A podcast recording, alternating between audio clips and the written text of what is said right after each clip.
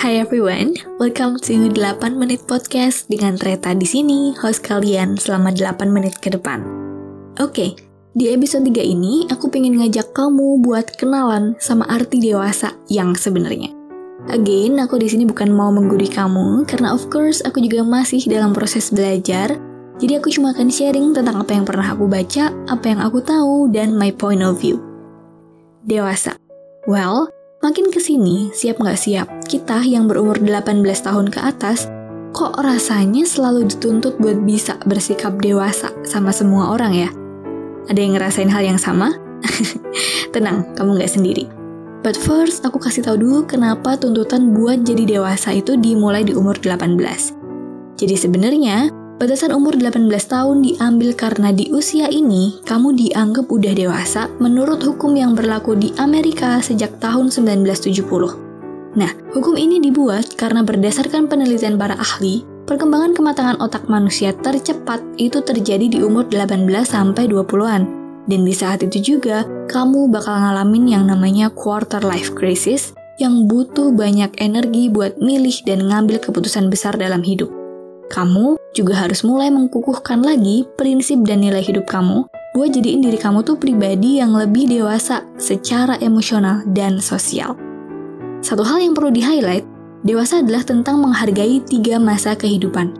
Masa lalu, masa kini, dan masa yang akan datang. Dewasa itu bukan tentang usia, tapi tentang satu, gimana kamu bisa memaknai lagi semua pengalaman hidup kamu selama ini. Dua, gimana kamu bisa fokus ngembangin diri kamu saat ini. Dan tiga, gimana kamu bisa siap menghadapi jatuh bangun yang mungkin bakal terjadi di masa yang akan datang. Buat jadi dewasa guys, emang butuh proses yang panjang dan banyak tuntutan. Kamu harus bertanggung jawab, harus mandiri, harus bisa adaptasi, harus kuat, dan lain-lain. Nah, karena keharusan-keharusan inilah yang kadang bikin kita takut dan gak sedikit yang nolak buat jadi dewasa. Oke, sebelum kita bahas dewasa lebih lanjut, kamu perlu tahu dulu kalau dewasa itu dibagi jadi tiga fase. Menurut Elizabeth Harlock, seorang psikolog dari Columbia University, lewat bukunya yang berjudul Psychology Development, membagi masa dewasa jadi tiga bagian, yaitu dewasa awal atau young adult, dewasa madya atau middle adulthood, dan dewasa lanjut atau older adult. Nah, masa dewasa awal itu dimulai di umur 18 sampai kira-kira 40 tahun, atau yang sekarang lagi kita alamin. Sedangkan dewasa madya dimulai di usia 40 sampai 60 tahun dan dewasa lanjut dimulai dari umur 60 tahun ke atas. Di sini aku cuma bakal bahas soal dewasa awal ya guys, karena di fase ini adalah kelanjutan dari masa remaja kita, sekaligus merupakan masa penyesuaian pola kehidupan yang baru. Harlock pernah bilang kalau di masa dewasa awal ini ditandai dengan tiga ciri. Pertama, Masa dewasa awal adalah masa perubahan nilai kehidupan. Maksudnya adalah ketika kamu mulai memasuki masa dewasa awal, itu berarti kamu udah ninggalin masa remaja kamu.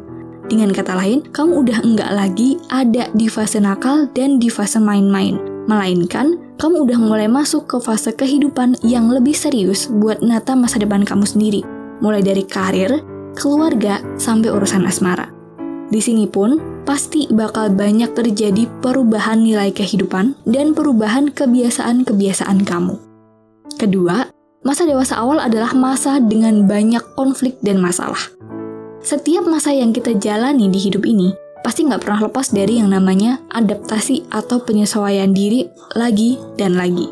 Gitu juga di masa dewasa awal ini.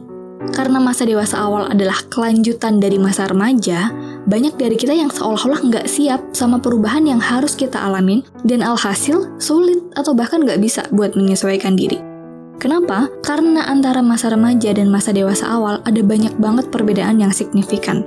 Salah satu contohnya, pas di masa remaja, kelakuan nakal kamu rasanya bisa kok dimaklumin. Dengan dalih, namanya juga anak remaja, masih di fase nakal-nakalnya mereka, maklumin aja lah. Gitu kan? Tapi ketika kamu udah mulai masuk ke masa dewasa awal, udah nggak ada lagi yang namanya memaklumi kenakalan. Orang pasti bakal mencibir dengan bilang, Ih kok dia gitu sih? Nggak dewasa banget. Bener nggak? Nah, kalau di masa dewasa awal ini, kamu nggak bisa menyesuaikan diri dan masih bawa kebiasaan-kebiasaan masa remaja kamu, pasti bakal muncul banyak banget konflik. Mulai dari konflik sama diri kamu sendiri sampai konflik sama orang lain. Entah itu karena kamu belum siap sama perubahan yang harus kamu jalani, karena salah paham, karena ego yang masih tinggi, dan lain-lain. Ketiga, masa dewasa awal adalah masa yang penuh ketegangan emosional. Biasanya, ketegangan emosional ini muncul dalam bentuk ketakutan dan kekhawatiran. Seringnya kita ngerasa takut dan khawatir sama hal yang belum terjadi atau bahkan belum kita mulai. Karena adanya perubahan tadi, tentu kita juga harus bisa menyesuaikan diri. Tapi nggak sedikit dari kita yang belum mulai buat nyoba aja, udah takut dan khawatir dulu sama apa yang bakal terjadi ke kita nantinya. Kalau nggak gitu, biasanya kita takut dan khawatir sama pilihan yang udah kita ambil. Entah itu pilihan yang berkaitan sama masa depan kita sendiri, atau pilihan yang berkaitan sama penyelesaian masalah yang lagi kita alamin. Nah, habis tahu ciri ketika kita mulai masuk ke masa dewasa awal, yang jadi pertanyaan selanjutnya, gimana sih cara biar kita siap sama perubahan nilai kehidupan yang bakal kita jalani? Gimana sih caranya biar kita bisa selesaiin konflik dan ketegangan emosional yang mungkin muncul selama proses jadi dewasa ini? Dan akhirnya pertanyaan pamungkasnya adalah, gimana sih sikap dewasa yang sebenarnya itu? Simple guys, menurut aku, buat jadi dewasa, kamu cukup kuasai tiga hal ini. Pertama, kamu harus punya pemahaman diri yang baik kamu harus benar-benar kenal dulu sama diri kamu sendiri. Apa kelebihan dan kekurangan kamu? Apa sisi dalam diri kamu yang perlu diperbaiki? Biar nanti ketika banyak tuntutan lain buat jadi dewasa, kamu nggak kehilangan jati diri kamu yang sebenarnya. Kedua, bisa ngelihat suatu kejadian dari berbagai sudut pandang.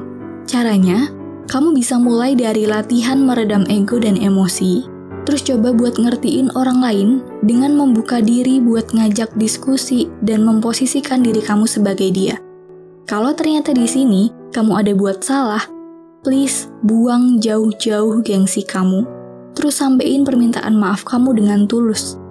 Kalau kamu dikritik, kamu harus bisa belajar buat berbesar hati dan nerima kritik itu sebagai masukan yang membangun kamu ke depannya.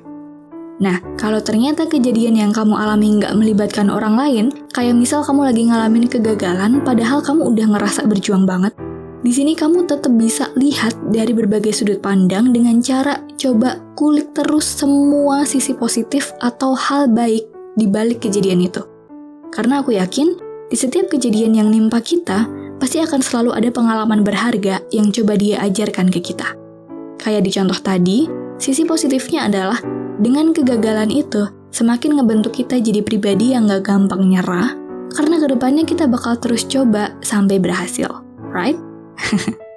Oke, okay, terakhir, dewasa berarti selalu berusaha menetapkan goals ke depannya.